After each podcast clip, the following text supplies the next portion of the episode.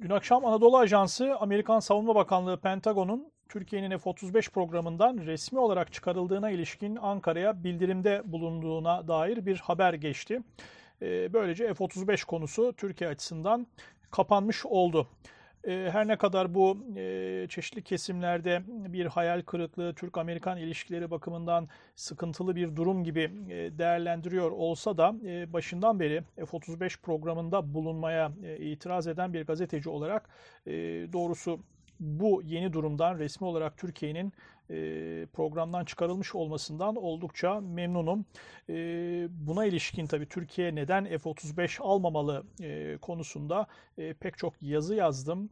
Neden Türkiye'nin F-35 programında olmaması gerektiğini hem 35 F-35'in çalışma prensiplerine dair ortaya çıkmış çeşitli raporlara dayanarak hem de Türkiye'nin ulusal savunma perspektifi bağlamında çeşitli yanıtlar aramaya çalıştım geçtiğimiz e, dönemlerde.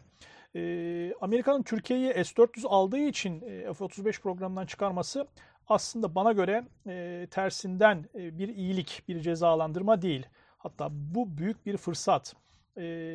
Yani o nedenle Türkiye zaten başından beri F-35 programına dönmek yerine ve Amerikan yaptırımlarından kurtulmak adına S-400'lere Girit formülü gibi çeşitli formüller aramak yerine enerjisini F-35 için bugüne kadar yatırdığı parayı kurtarmaya ayırmalıydı.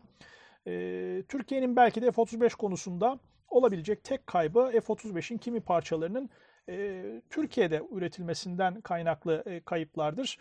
Onun dışında kıyaslanmayacak denemin, değerde önemli kazançlar vardır Türkiye'nin bu programda olmaması.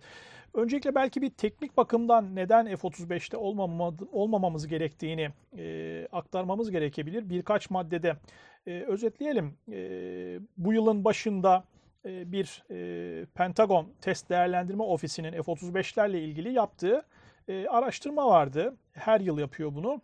E, tam 871 kusur tespit etti. Pentagon Test ve Değerlendirme Ofisi F-35'lerde. Kasım 2019'daki testlerde ofisin yaptığı tespit e, sırasındaki kusur sayısı 873'tü. E, bu programın e, test birimi direktörü Robert Miller hataların çoğunun Nisan 2018'de tamamlanan geliştirme ve tanıtım aşamalarından önce tespit edildiğini, o dönemde 941 kusurun olduğunu belirtti. Bu şu demek, 2,5 yılda F-35'in 941 kusurundan sadece 70'i düzeltilmiş. Son bir yılda da sadece ikisi giderilebilmiş. Hala 871 kusuru var.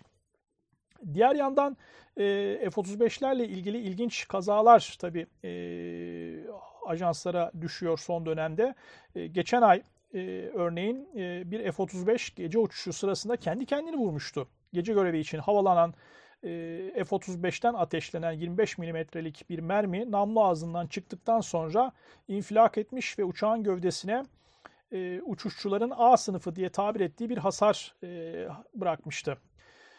Bir diğer teknik neden şu, Forbes'un yaptığı bir analiz var. F-35'leri analiz ettiği yayınında Amerikan Hava Kuvvetleri'nin gizli F-35 avcısının başarısız olduğunu kabul ettiğine dair bir değerlendirme yaptı dergi. Dergiye konuşan uzmanların aslında başka bir savaş uçağına ihtiyaç duyulduğunu söylediği bilgisi var.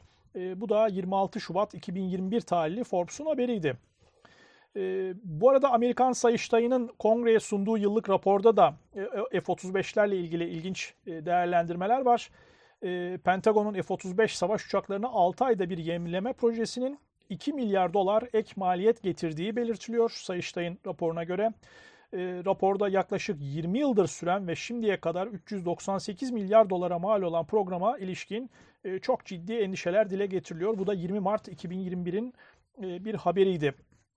E, diğer yandan Trump'ın son savunma bakan e, vekili Christopher Miller e, üstelik bu eski bir askerdir. F-35'ler F-35'ler için ilginç bir değerlendirme yapmıştı. E, bu yılın başında 22 Ocak'ta 5 para etmez demişti. E, bir diğer asker İngiltere'nin eski Genelkurmay Başkanı e, Lord Richard Dennett da e, yine Mart ayında 15 Mart'ta e, F-35 uçaklarının İngiliz ordusunu iflasa sürüklediği uyarısında bulunmuştu. Ülkesinin 138 adet F-35 e, satın alma planının büyük ihtimalle 48'e kadar düşeceğini belirtmişti. E, bir diğer önemli haber yine geçen ay Amerika'nın e, The National Interest dergisi de e, Rus S-400 hava savunma sisteminin hayalet uçak denilen F-35'leri tespit edebildiğini yazmıştı. Dolayısıyla 20 yıllık bir büyük projeden çıka çıka e, bunlar çıkmış oldu. Bu teknik ve ekonomik tablo tabii açıkça gösteriyor ki Türkiye'nin F-35'ten çıkarılması öyle büyük bir kayıp değil. Hatta tersinden e, bence büyük de bir şans. E, çünkü bu teknik ve ekonomik tablo tersi bile olsaydı, her şey daha iyi olsaydı bile Türkiye'nin F-35 programında bulunması, bulunmamasında sayısız e, yarar vardı. Çünkü konunun bir ulusal silahlanma boyutu var. Uzun vadede konunun e, teknik ve ekonomik e, yönünden çok çok daha önemli bir konu bu. Şöyle ki Türk Hava Kuvvetleri zaten e, oranı e, çok yüksek bir şekilde ABD'ye bağımlı. F-35 ile bu neredeyse tamamen Amerika'ya bağımlılığa dönüşecekti. Bu da ulusal savunma bakımından e, olabildiğince sorunlu bir durum. Bunun ne kadar sorunlu olduğunun da en iyi bilen aslında Türk Deniz Kuvvetleri. Nitekim 90'larda temeli atılan Milli Gemi Projesi MİLGEM'le Türk Deniz Kuvvetleri o bağımlılığı kırdı. Şimdi kendi gemisini yapıyor. Üstelik dışarıya da gemi satar hale geldi. Ee, Türkiye ulusal savunmada tabii tek bir adrese bağımlı olmasının olumsuz sonuçlarını bugüne kadar çokça yaşadı. En önemli hatırladıklarımız e, Kıbrıs Barış Harekatı'ndan sonraydı. Amerikan ambargosu uygulandı. O ambargonun dersiyle Türkiye Aselsan, Roketsan, Havelsan gibi ulusal savunma kurumlarını ulaş, e, oluşturdu ve bunlar aslında Milgen projesinin bugünkü başarılarında çok etkin kurumlar olarak da e, önümüzde duruyorlar. E, dolayısıyla Türkiye e, silahlanmada denizde olduğu gibi havada da yerli üretime esas alan bir çizgi izlemeli. E, kuşkusuz Türkiye'nin e, bugün 5. nesil savaş uçağı üretmesi ya da bir füze savunma sistemi üretmesi e, kısa vadede hatta orta vadede hiç mümkün değil, olası değil. E, ama ulusal çıkarları gözeten bir silahlanma yaklaşımı sergileyerek o noktaya doğru gidilebilir. Ne yapılabilir? E, iki e, konu var burada ne yapılmalı konusu. Bir kere tek adrese bağımlılığı azaltmak için silah envanteri bir kere çeşitlendirilmeli. Başka ülkelerden de alım yapılmalı. Yani her e, silahı Amerika'dan değil e, belli oranlarda Rusya'dan, belli oranlarda Çin'den, belli oranlarda İngiltere, Almanya yani farklı adreslerden al alarak envanteri çeşitlendirmek lazım. Böylece tek bir yere bağımlı olmamak, her zaman elinin altında alternatifinin olması gibi bir durum e, olur. Niye e, böyle? E, anımsayın terörle mücadele nedeniyle Almanya Türkiye'ye sattığı Leopard tanklarının kullanılmasını e, istememişti. Şimdi böylesi durumlar için alternatiflerinizin olması e, gerekir. Bu bakımdan envanterin çeşitlendirilmesi önemli.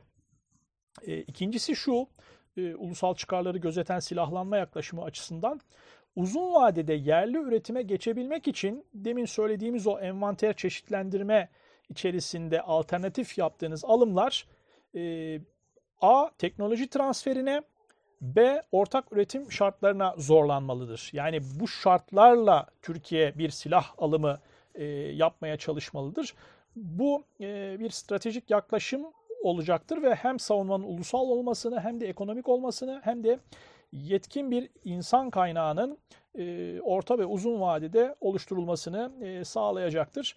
E, bu bakımdan F-35'lerden Türkiye'nin çıkarılmış olmasının bu perspektifli bir stratejik silahlanma yaklaşımına gitmek için bir araç olması dileğiyle diyelim.